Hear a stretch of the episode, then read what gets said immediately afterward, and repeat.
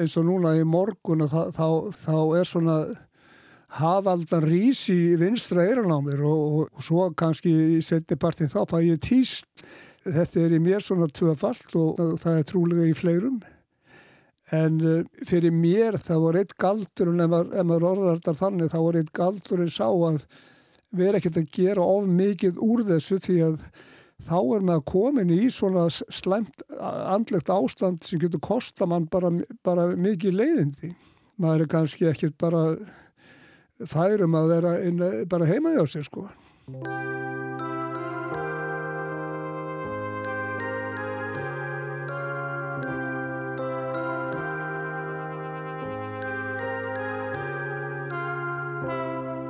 Þetta var hann Vilhjálmur Svan Jóhansson. Við ætlum að ræða betur við hann síðar í þætti dagsins.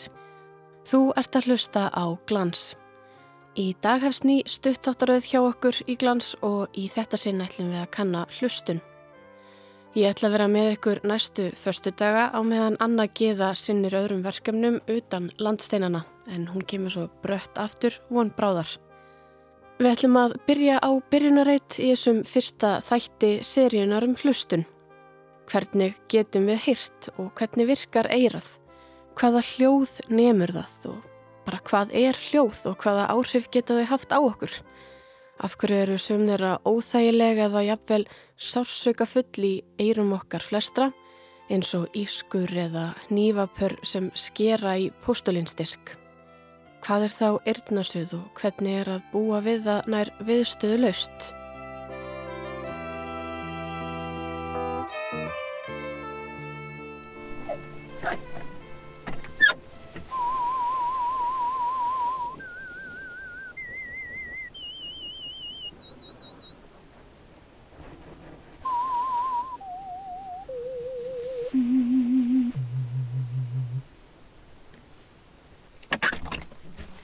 Hvað voru við að heyra?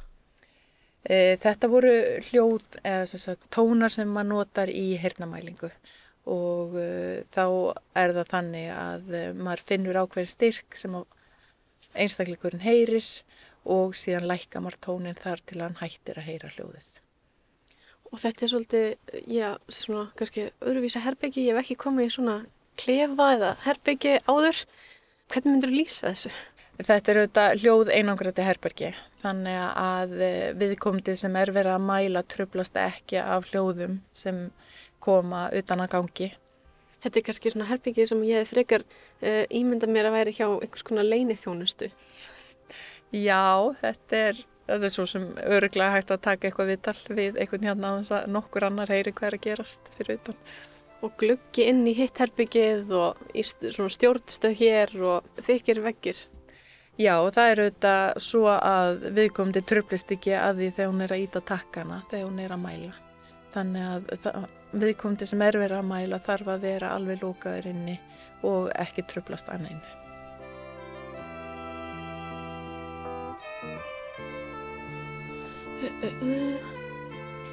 Fjörða hæð, já. Þetta var Eva Albrechtsen. Eva, sem er háls, nef og erðnalæknir með hernafræði sem sérgrein, starfar hjá Hernar- og talmennastöð Íslands á Háaleitisbraut 1. Heimilisfang sem oftast er kent við Valhöll eða Sjálfstæðishúsið, segir hér. En þar er þó einnig Hernar- og talmennastöð Íslands og Ímis önnur fyrirtæki. Hernar- og talmennastöð Íslands tók formlega til starfa í byrjun árs 1979. Hirtnamælingar og greining hirtnar og talmeina er fyrirferðamikill þáttur daglegra starfsemi þar á bæ og um 7000 manns leita til stöðvarinnar á ári hverju í hennum ymsu erindagjörðum.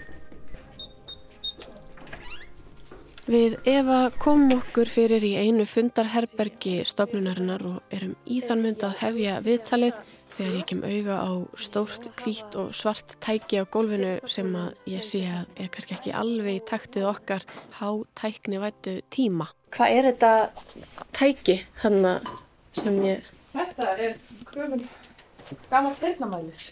Ah. Þannig sem var notaður hérna á helsuveldastöðinni. Það er opnaði fyrsta, eða var fyrsti mælinin. Eru það stórar í dag? Nei, alls ekki. Það eru pínlittlar og tölvurna að gera mestu vinnina. Þannig að alls ekki svona littlar. Nei. Nei, stóra segir. Ekki fæði til að vera aðeins nær mér, það þarf mikla námt með þessar, þessar græður. Ekkert mál. Jæja, eftir þessar miklu tilfæringa mínar gáttu við þá brátt hafið heið eiginlega viðtal.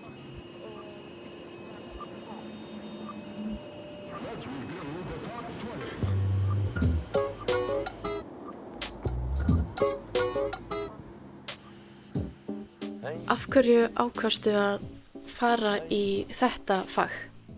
Það var eiginlega tilviljun. Ég fór í sérnám til Norex í hálsna verðnalækningar. Svo þrátt fyrir það að það sé kannski lítil sérgrein að þá getur maður sérhæft sig enn meira og fjölskyldaðastæðina mínar voru sérstakar þar sem að hérna, maðurinn minn þreist ekki úti og flutti heim og fór að vinna aftur heim á Íslandi. Þannig, en ég var ekki búið með mitt sérnám þannig að ég þurfti að taka ákvörðun um það hvort ég vildi fara heim og vera eða óbreyttur hálsneifa erðnalæknir eða hvort að mér langaði að sérhæfa með eitthvað meira.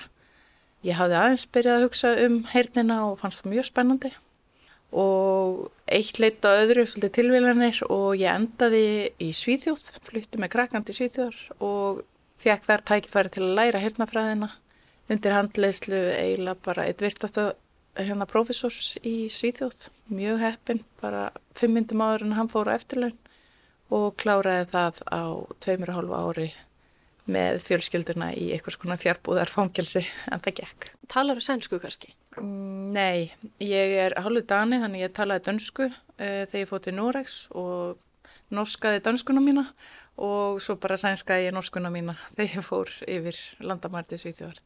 En sem læknir, hvað miklu leiti byggist þín vinna á því bara að hlusta á þá sem koma til því?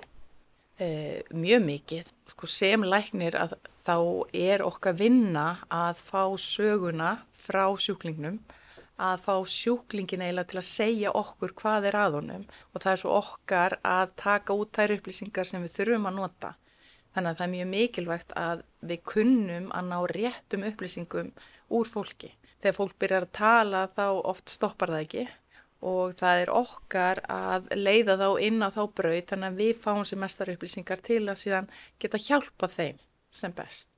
En ef við vitum lítið sem ekkert um sjúklingin þá getum við lítið sem ekkert gert fyrir það. Sérst, í þínu starfi er þá eitthvað sem þú myndir kalla svona góða hlustun?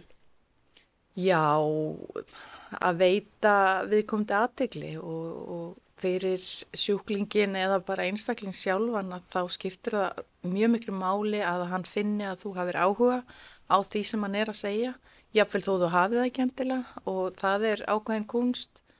Flestir af þeim sem maður hittir eru ekkert meðnin alvarleg vandamál en uh, hver einstaklingur er einstakur og það skiptir mjög miklu máli hann lapp ekki út og finnist að ég hafi engan áhuga á hans málum af því að fyrir hann er það allt þó að fyrir mér er hann bara kannski einn af mörgum. Þetta er alveg ákveðið en maður lærir þetta svolítið og við erum til að geta hitt hann eina sérstaka þá, þá þarftu að hitta alla hína líka. Þú þarft að vita hvað er eðlilegt mm -hmm. og hvað er einan eðlilega marka til að geta valið út þá sem þú þarf kannski að gera eitthvað aðeins meira við. Mm -hmm. Verður við þreytt á að hlusta og á svona virkri hlustunum? Já, maður verður það. E, maður verður e, minna þreyttur á hlust á sitt eigið tungumál. Móðumáli er alltaf auðveldast.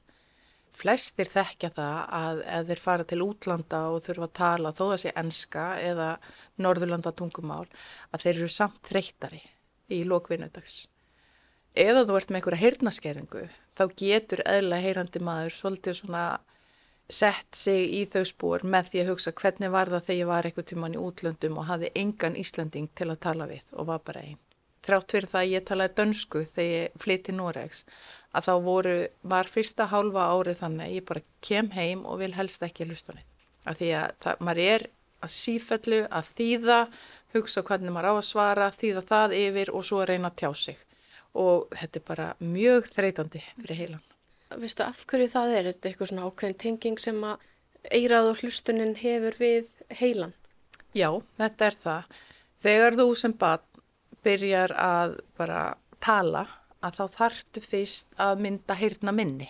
Þú þart að skilja orðin sem eru sagð, heilin þarf að muna og tengja þau við, við eitthvað. Mamma, maður þarf að tengja það við ákveðna personu og síðan getur líka minn, rattfærin, heilin farið og myndað orðið. Svo eftir því sem þú notar það meira, þeim mun auðveldar að verður að nota það. En, en þú þarf alltaf að heyra, tengja við heyrnaminni og síðan að framleiða.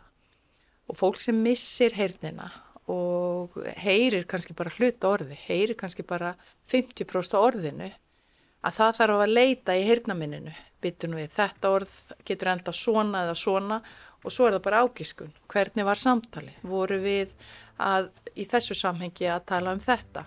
Og stundum giska maður rétt og samtali fyrir rétt átt en stundum horfið fólk á mann og bara uh, við vorum ekki að tala um þetta og það byggir á heyrna minnunu.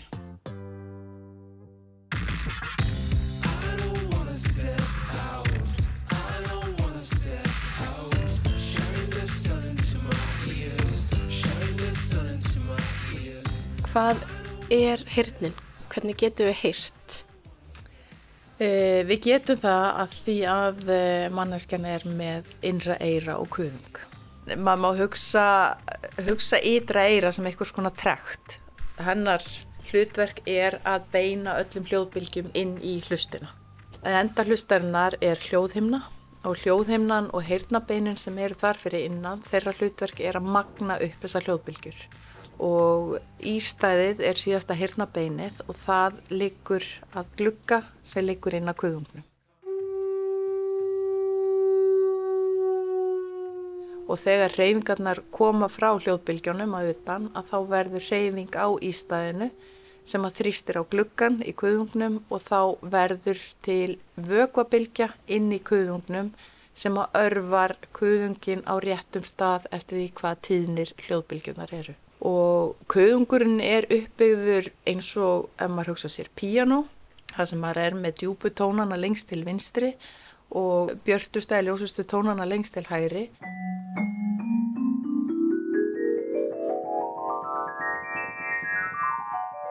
Og maður tekur síðan pianoið og rúlar því upp með djúbu tónana inn í miðjunni.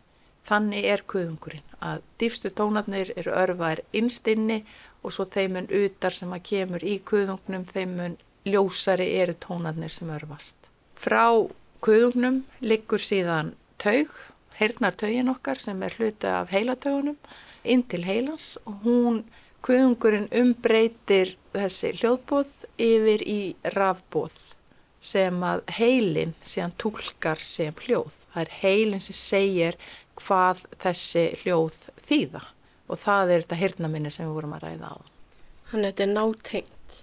Mjög og háð hvort öðru, allir hlutanir. Ég hérna uh, las sem um það er mitt að þessi þrjú bein í eiranun og ger ég slæma til um til að munna þau, ja. hamar, ístæðji og... Hamar, stæðja og ístað og í þessari röð. Og þau eru minnstu bein líkamanns? Já, það stemmir. Þau eru minnstu beinin gera þau það verkum að við, að við hlustum svona vel?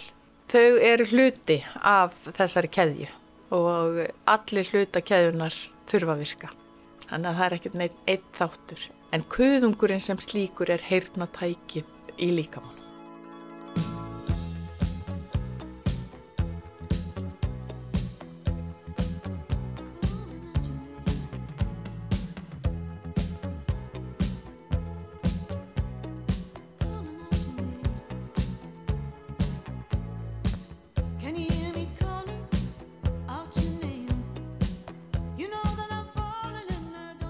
Eirun eru bara verkfæri, er bara, bara tæki sem að umbreytir hljóðunum yfir í bóð sem að heilin tólkar. En það er heilin sem vinnur úr svo öllu og segir manni hvað þýða, hvað maður á að gera við þetta, hvernig maður á að nota þetta.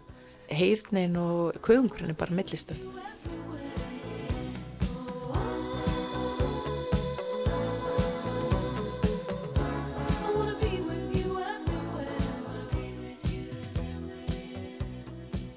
Þróun og tilur þessara þryggja litlu beina sem Eva nefndi, Hamas, Stæðja og Ístads, sem svoru nefndvegna lögunar og hlutverks hefur lengi verið vísindamönnum ráðgáta. Forfiður okkar skriðdýrin höfðu ekki þessi sömu bein og í raun voru hirtnin og hirtnarfærin tengt tyggingarfærum þeirra. Þótt vísinda og fræðimenn hafi lengi grunað að þróun okkar góðu hirtnar og miðeirans hefði eitthvað með það að gera að þessi tvö kerfi skildust að voru það þó lengi aðeins tilgátur og því enn hulin ráðgáta hvernig og hvenar svo þróun átti sér stað að þessi þrjú minnstu bein mannslíkamanns urðu til. Svo urðu stór tímamót í stengjarvingafræðum. Vísindamenn hafa nú uppgötað áður óþekta dýrategund sem talin er hafa lifað þar sem nú er norð-austanvert Kína fyrir um 125 miljónum ára. Dýrin eru frum spendir frá jarðsögu tímabilinu Krít, sérstaklega síðasta tímabili miðlífsaldar jarðsögunar og vísindamenn hafa kallað dýrið hennu þjála nafni Origo lestes Lý. Dýrin eru talin hafa verið samtíða risaðlum og voru lík nagdýrum að stærð og í útliti. Eftir fundin hefur því kenning vísindamannana fengið byr undir báðavangi því bein og brjósk í eirum þessara dýra sem líktust nagdýrum voru ekki samgróin líkt og hjá fyrri tegundum. Týndi hlekkurinn í þessari þróunarkeðju er því nú talin hafa verið fundin en þó er ýmsum spurningum enn ósvarað og óljóst enn hvort þessi ferillega þróun átti sér stað hjá öllum spendirum eða aðeins ákveðnum tegundum þeirra. Það er hvort þetta hafi gerst einu sinni í þróunarkeðjunni eða oftar.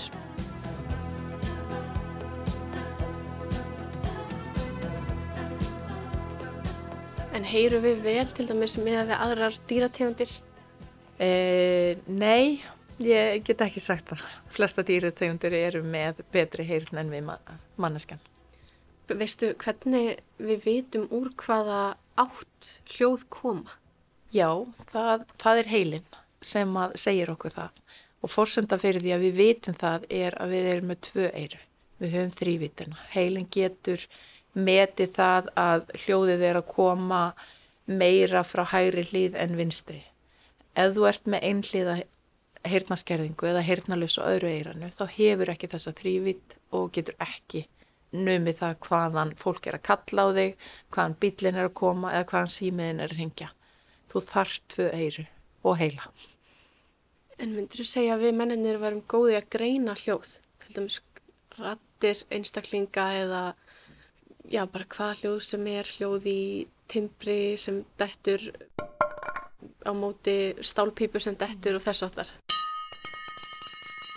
Já, við erum mjög góð í því en það byggir allt á heyrna minn hversu mikið þú hefur hlustað á þetta en maðurinn er að greina þekta rattir þá er hann ótrúlega góður í því. Til dæmis hérna á Íslandi það er enginn sem svara með nafni í síma það er bara, ég veit ekki á hverju en Íslandikar kunna það ekki. En samt sem áður að þá veriðast flest fóreldrar vita nákvæmlega hvaða batn er að tala við það og hérna það þarf ekki að kynna sig.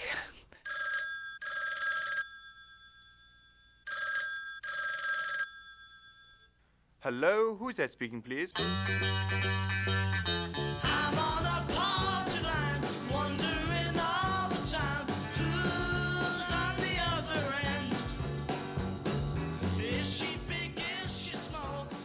Nú þegar við höfum aðeins fengið að heyra um það hvernig eirað virkar og hernin, þá er komið að næsta púslinu í þetta púslu spil, hljóðinu.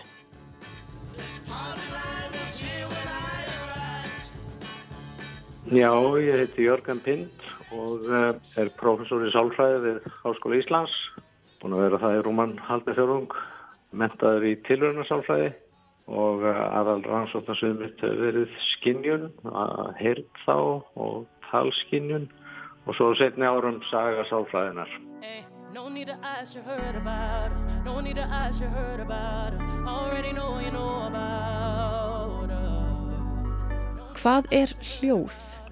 Já, hljóð er uh, eiginlega þrýstingsbylgja sem berst um einhvern miðil, ég held að það sé svona henn vennulega skilganning Þannig að uh, þetta er svona bylgjurhefing og uh, þegar við tölum um miðil þá er náttúrulega algengast í miðilin það er andrumsloftið ekki satt.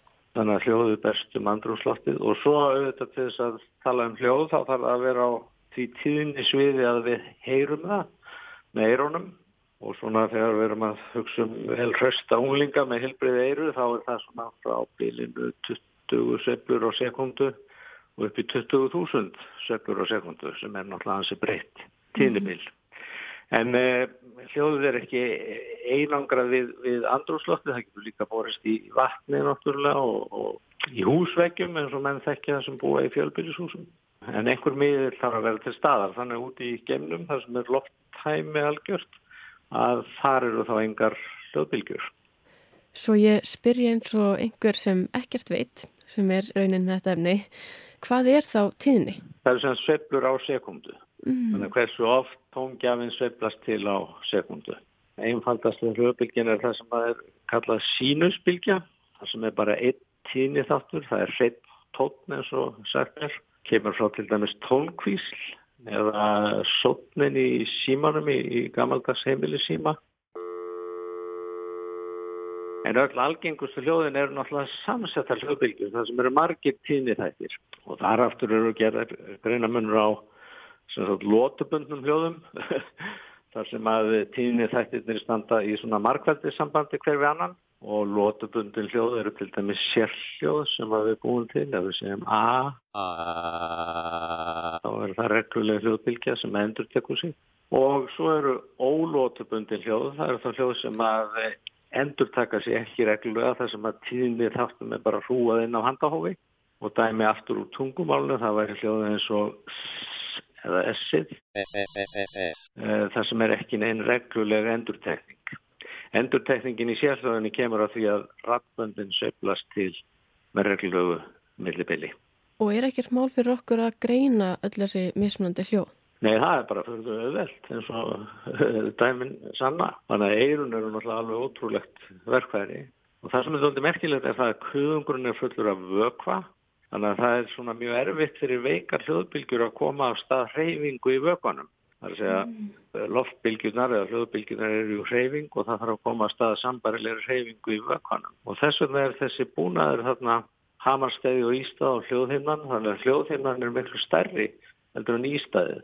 Þannig að eh, hljóðhimnan er sapnað saman á tiltölulega stórum fleti á hljóðhimni og þjappa niður í, á ístæðið. Þannig að það er ekst krafturinn. Þetta er svona cirka magnari upp á 25-26 decibel sem við erum með í mið eiranu sem það svo heitir í þessum búnaði. Þannig að þetta er mjög merkilega hönnun náttúrulega frá náttúrulega hendi. Wow. Eða skapar hann sem menn vilja það.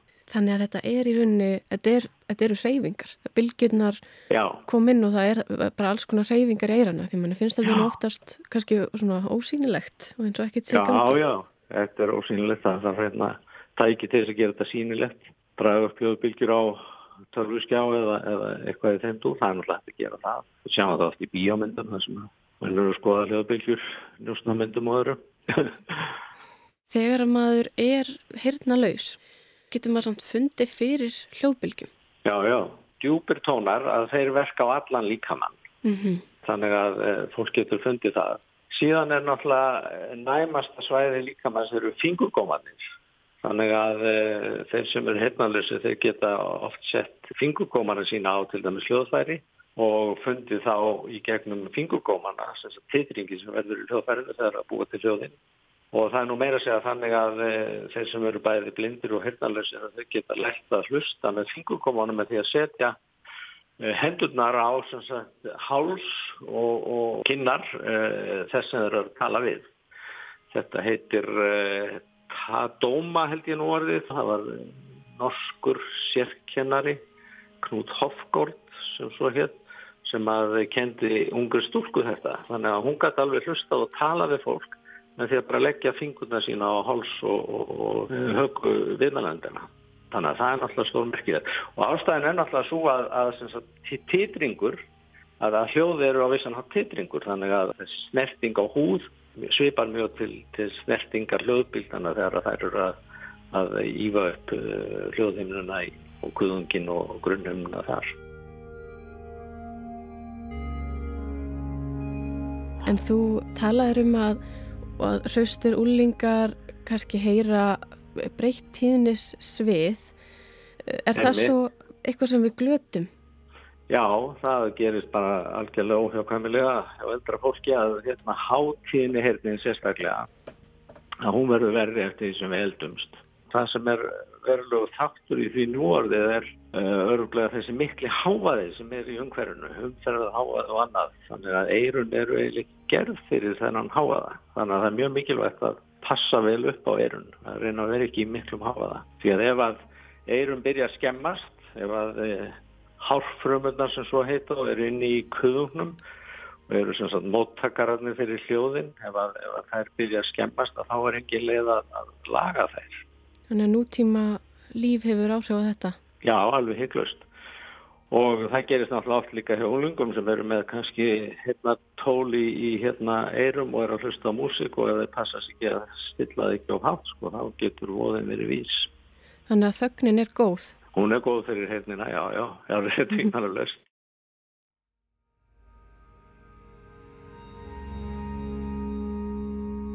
Hafa hljóð áhrif á okkur?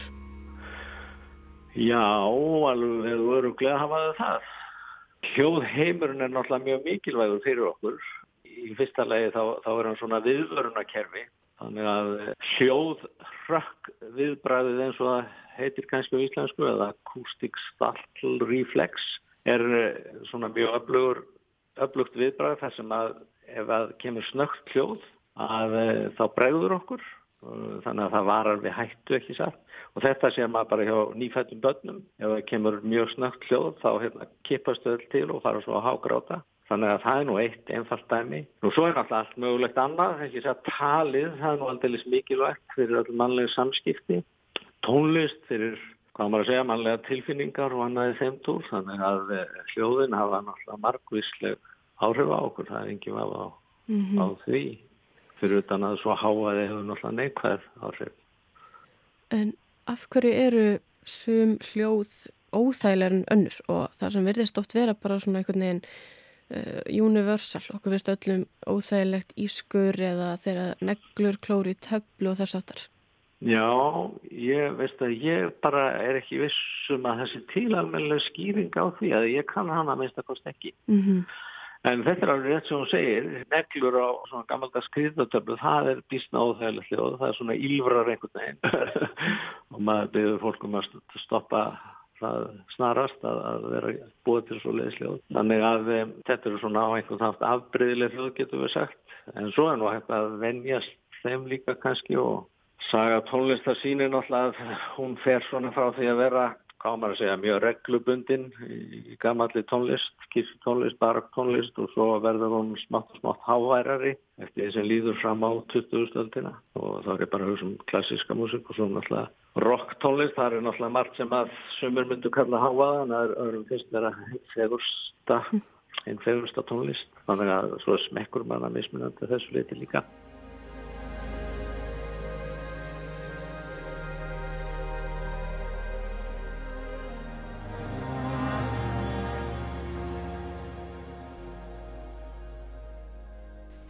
Það eru oft svona ískur, svona hávær hátinni hljóð sem eru óþægileg og að einhverju leiti að þá upplifir heilin þetta sem sársauka tilfinningu og það getur byggt á reynslu að maður hafi einhver tíma verið útsettur fyrir eitthvað sem maður brást illa við. Jáfnvel getur þetta verið lærðhegðan að börn sjá það hjá fúreldrum sem að kippast við þegar nývapurinn ískra á diskunum og þau læra það að já ok, þetta er óþægilegt og ómeðvitað verða þannig líka.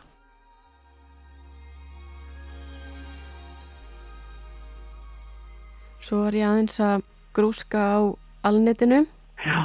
og sá þar, já ég veit ekki ákveðnar kenningar eða hugmyndir um að maður geti alveg bara mist vitið af því að heyra ákveðin hljóð. Er eitthvað til í svona hugmyndum um að ákveðin hljóð geti haft svona mikil andleg áhrif? Já, alveg öruglega og þetta er náttúrulega vel þekkt í pyntingum þar sem að hérna fólk, eða nú bæði haldi vöku fyrir fólki og spilu hérna óþægileg tónlist og mjög hátt til þess að brjóta fólk niður sem er náttúrulega príkalegt að gera en, en, en þetta gera menn vist sumstaðar. Það hefur náttúrulega mjög neikvæð áhrif. Síðan er það annar kannski hirnar skaði sem margir eldri finna fyrir. Það er eh, svo kallar eirnasuð eða tinnitus.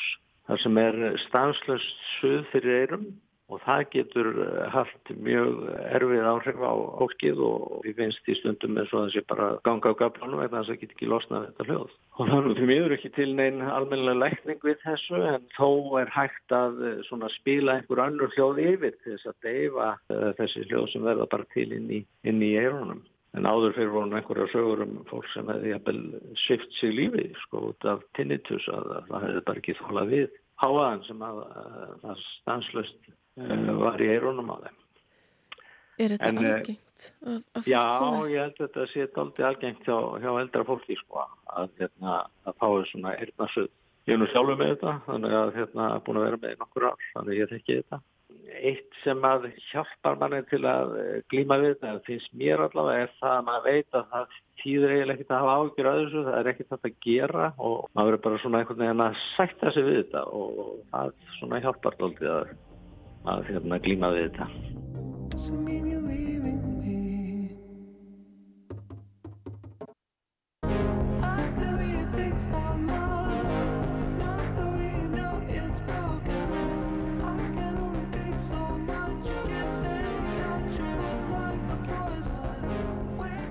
En uh, við höfum svo sem ekkert komið inn á söð uh, en það er tali vera einhvers konar sásauka upplifun e, söðið eða einhvers konar draugaverkur eins og maður getur fengið þegar maður missir framan á handlegg og maður er samt með illt í þaumalputtanum en maður horfir á handleggin og segir bara það er ekki þaumalputtið en við komum til upplifir raunverulega sásauka í þaumalputtanum og það er draugaverkur.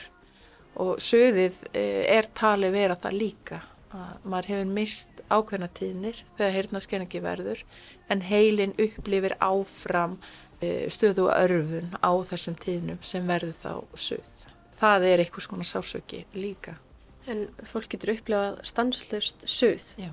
Hvernig fólk upplifa söðið er mjög einstaklingsbundið og við hefum enga leið til að mæla það. Það hefur verið reyndi gegnum tíðina að, að mæla það, finna hvað tíðni það er Eh, en það er bara einstaklisbundi og það er upplifun hvers og eins. En hjá sumum er það já stöðugt, hjá sumum er það eitt tótt mjög margir segja stillimyndina sem var í sjónvarpunu e, áður fyrr. E, sumir er með margatóna sumir lýsa þessu sem nýð eða foss. Aðrir eru með suð sem er eins og púlsinn það kemur og fer stöðugt og, og í fæstum tilvikum að þá getum við fundið einhverja líffræðilega skýringu á því annað en að heyrnin er skert.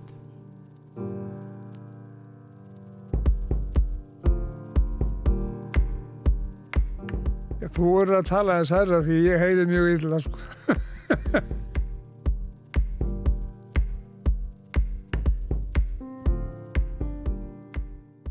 Ok, ég heiti Vilhelmur Svan Jóhansson og, og er allir, allir lífið í stegi en hef svona margt fyrir stafni og, og það er nú kannski aðalega vegna þess að það hjálpa mér mest í því að takast á við þennar sjúdóm. Þá ég veit það, ég var náttúrulega fyrir því að, að, hérna, að verða heyrnalös fyrir nokkuð mörgum árum síðan og og síðan hefur þetta farið, farið vestlandi og ég er hirtnalös á, á hægri eira og með 40% hirtna á vinstra og, og ég hef búin að vera að glíma við þetta hirtnasuð í rúm 20 ár og uh, það fenn nú ekki skálandi nema síðu síðan. Þetta var, þetta var náttúrulega bara, bara tilviljun að, að, hérna, að ég fór að takast á við þetta. Þá fór ég í skoðun út af eirunum á mér og þá kom ég ljós að ég var með, var með uh, 10 mm, 11 mm axli í höfðinu og, og var sendur til Karolinska sjúkrahús í Svíþjóð. Þá var ég farin að finna verulega fyrir þessu og þá átti maður náttúrulega vona á því að þetta var réttur og var neyra þagra megin að þetta er til þess að ég losnaði þetta suð sem var farið að koma í eirun á mér. En það var ekki en þetta var ekki ílkynja þannig að maður er í, í góða lagi.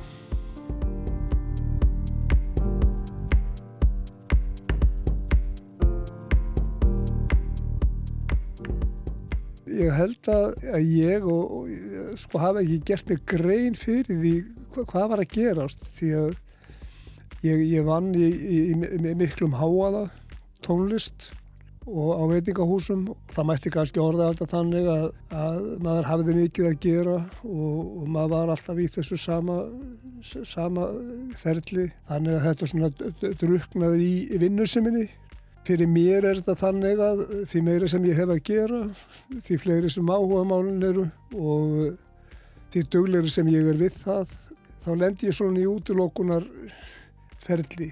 Þá hætti ég að mun eftir þessu. Þetta er svolítið mikið þannig að eins og á tímabili þá held maður að maður verið að vera geðveikur því að maður var alltaf að hugsa um þetta þegar þetta voru orðið sem vest, þegar það voru annarkot mikið sjáalföll eða hátt hýst eða hvað sem var og þetta fór mikið eftir í, í hvaða kringumstæðum maður var eins og til dæmis ef maður tekur bara dæmi í gerðkvöldi mér ætlaði alls ekki að takast að sopna og það var vegna þess að ég var með svona ég það var bara stór flæði og háað, fjör og háað í, í eirunum á mér, ég gæti ekki lagst út af í rúmenu og þá nota maður ofta triks að maður kveikir á sjónvarpinu og einhverju sem að maður getur svona fókusað á og, og þá sopna maður í stóluna fram í stofu og, og fessu inn í rúm hálsóvandi og þá tekst mann að sopna en þetta vekur mann á nóttunni eða mig og uh, gerir mann mjög þreyttan stundum.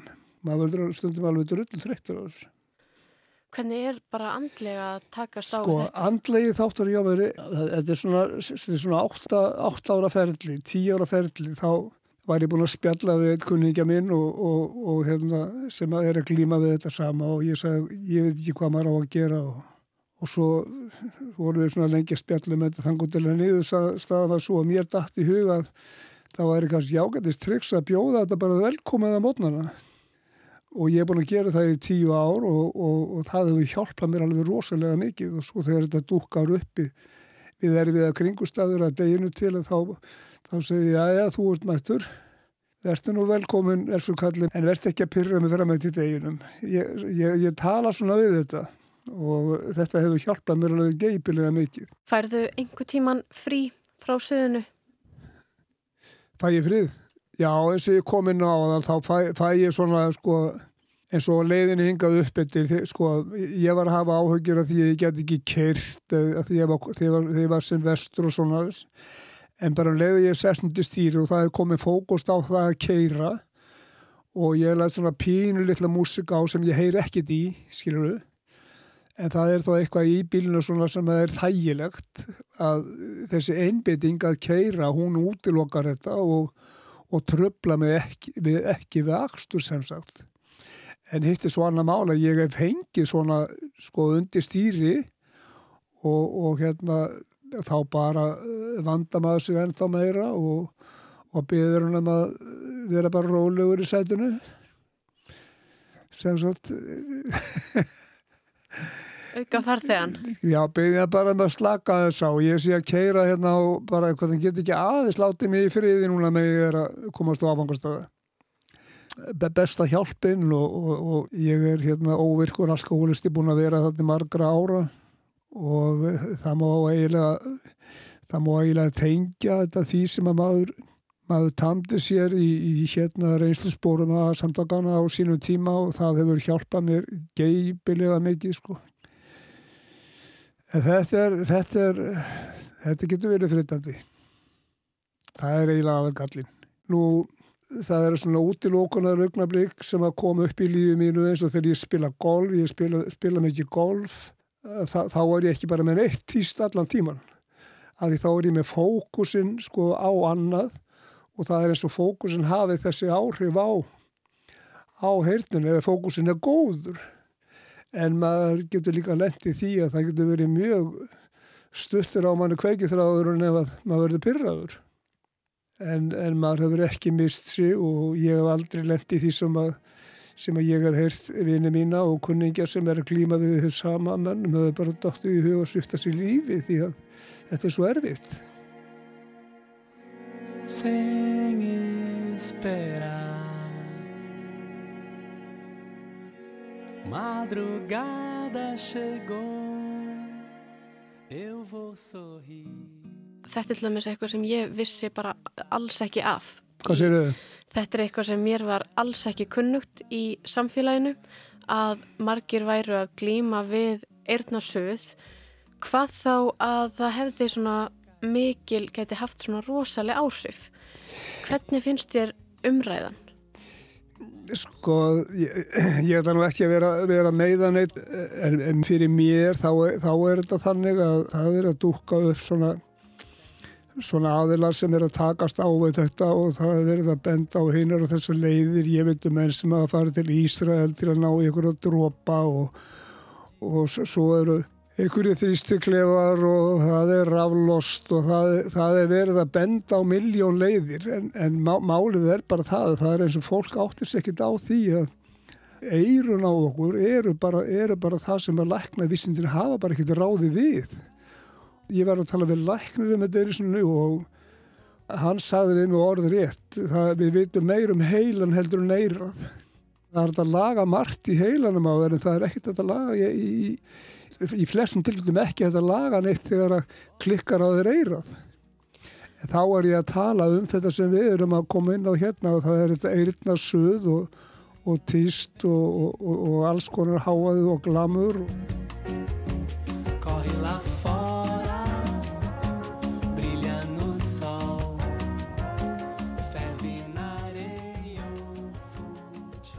Þú hefur komið þér upp svona einhverjum tæknum sem virka fyrir þig eins og þetta heitir kannski á ennsku coping mechanisms eða þess áttar Já, ég, ég á svona kunningja sem að ég get, get heimsótt og drukki með kaffibótla trublala og aðeins í vinnunni í svona kortir og eitthvað svona og ég, ég leiði mér þetta en, en hitt er svo annar mála ég, ég er ekki hæfur til þess að fara í, í, í samkvæmi og visslur eða út að borða með, með, með fólki og, og ég lend alltaf í þeirri krísu eða það eru fleiri en tveir eða þrýr að, að tala þá, þá er ég bara út undan. Ég heyri ekkert og næ ekki neinu samhengi eh, um það sem verið er verið er að ræða en þetta er kannski vegna þess að ég heyri ítla en, en, en ég finn það eins og núna það bara okkar samtal þetta suð sem er í eirannámar vinstra megi núna það, það blokkar er það hvað ég heyri ítla í þér.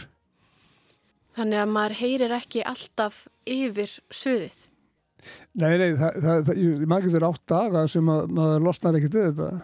Maður getur átt tvo, þrjá, fjóra, heim daga sem að þetta er stanslust og mann er tekst ekki útilokaða.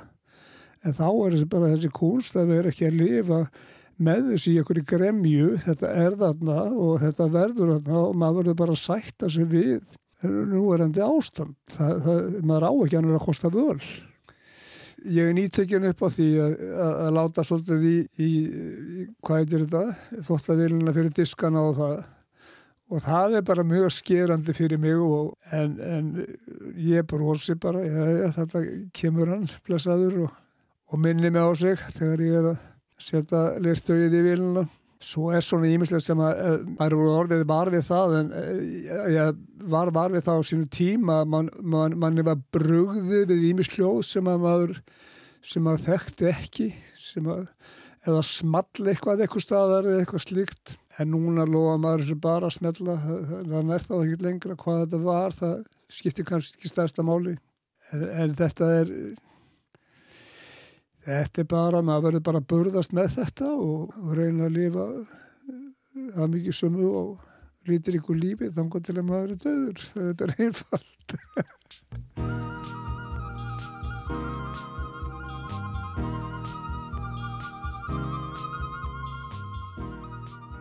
Í mínu háskólanámi þá hlustaði ég ofta það sem kallaðist svona white noise eða já, svona einhvers konar eins og tala um sónvarskjáin þegar að það var engin dagskrá eða eitthvað þannig mm. en getur þetta verið þá líka þægilegt eða sagt, ekki, ekki fyrir fólk sem er með uh, stanslust söði eirunum heldur fyrir eins og, eins og ég nota þetta til að ná innbyttingu? Mm. Jú, sko svona white noise sem ég kann ekki alveg íslenska nafnið á. Uh, Ég komst þess að því að íslenska orðið yfir white noise eða það sem ég hef hingað til verið að kalla snjó í sjónvarpinu er snjósuð. Snara.is lýsir þessu sem hljóði sem minnir á tröflanir í útvarpi eða rennandi vatn. En aftur að viðtalinu. Sko svona white noise, það hefur til dæmis verið notað í meðferð við suði og þetta er einhvers konar mindfulness að þú, þú nærð á þennan hátt að fá heilan til að einbita sér að einu atriði en ekki að flögra um og einbita sér að einhverju sem að trubla hann. Uh, Suðið hefur róandi áhrif á suma. Mjög margir koma til mér og segja jújú, jú, ég er með suðið en það trubla mikið leið. Þetta er bara hluta mér. Svo eru aðrir sem bara, bara geta bara valla lifað og er með suð. Og meðferðin við því er til dæmis að reyna að skerma í burtu annarkvort með öðru hljóði eða með því að beina hugsunum á annan stað. Þannig að það sé ekki að pyrra sig á þessu. Og já, þetta er, þetta er svona önnur tegund af mindfulness eða jóka eða, eða hvað sem maður vil kalla það Getur maður orðið bara andlega veikur af einhverju ákveðnu hljóði eða þess að þar? Andlega veikur Já, það, það er auðvitað vorulega breytt hugdag. Þunglindi, kvíði og streyta ekki spurning. Ef að söðið hefur áhrif á mann andlega, maður getur ekki embett sér að því að maður er stöðugt að stöðugt trublaður af söðinu að auðvita veldur að streytu í hverstagslífinu og þunglindi og það er ekki spurning. Mm -hmm. En það er aftur mjög einstaklingsbundi hvernig fólk tæklar það mm -hmm. og hvernig fólk upplifa það.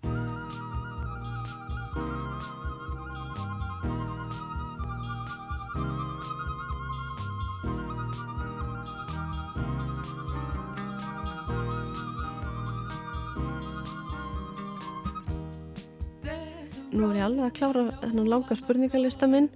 Já. Við töluðum nú um óþægileg hljóð og áhrif þeirra. Eru ykkur ákveðin hljóð þægileg?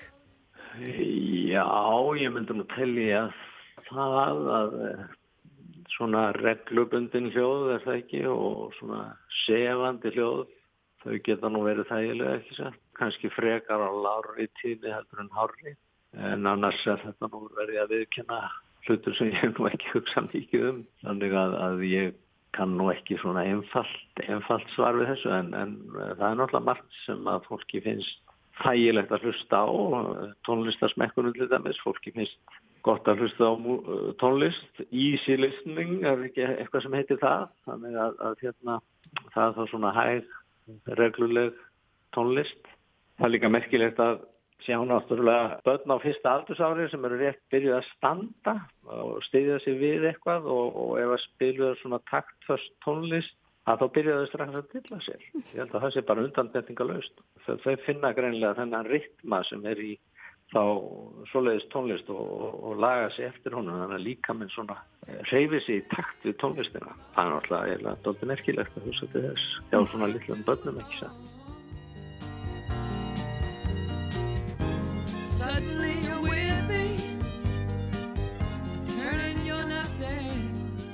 Morgun leikfiminn breytist núna í, var ekki januar það þess að vera hefðbundir leikfimi þá var komið svona meira jóka leikfimi og uh, sem að beintist svona meira innferður íhugun eða eitthvað í þeim dúr og, og þar var hluti af, af því. Það var að fólk aftur sífælt að endur taka eða ekki einhver ákveðin hljóð til þess að svona, já já, ég segi ekki að falla í trans en, en svona hafa einhver áhrif á sálarlífið, sálartetrið Svona eins og möndrur og þess aftar Já, möndrur, einmitt, það var það sem hún kallaði það það er rétt, já.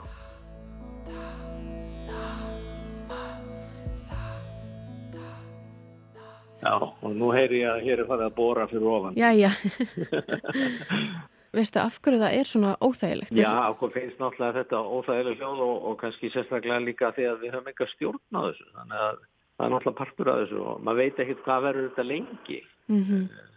Þú heyrir þetta vantarlega ekki ennum síman eða ekki? Jú. Já, einmitt. Þannig að það var ágætt að þetta kom ekki fyrr. Nei, þau ljúka bara viðtalunum fyrir okkur með þessum hætti. Já, einmitt.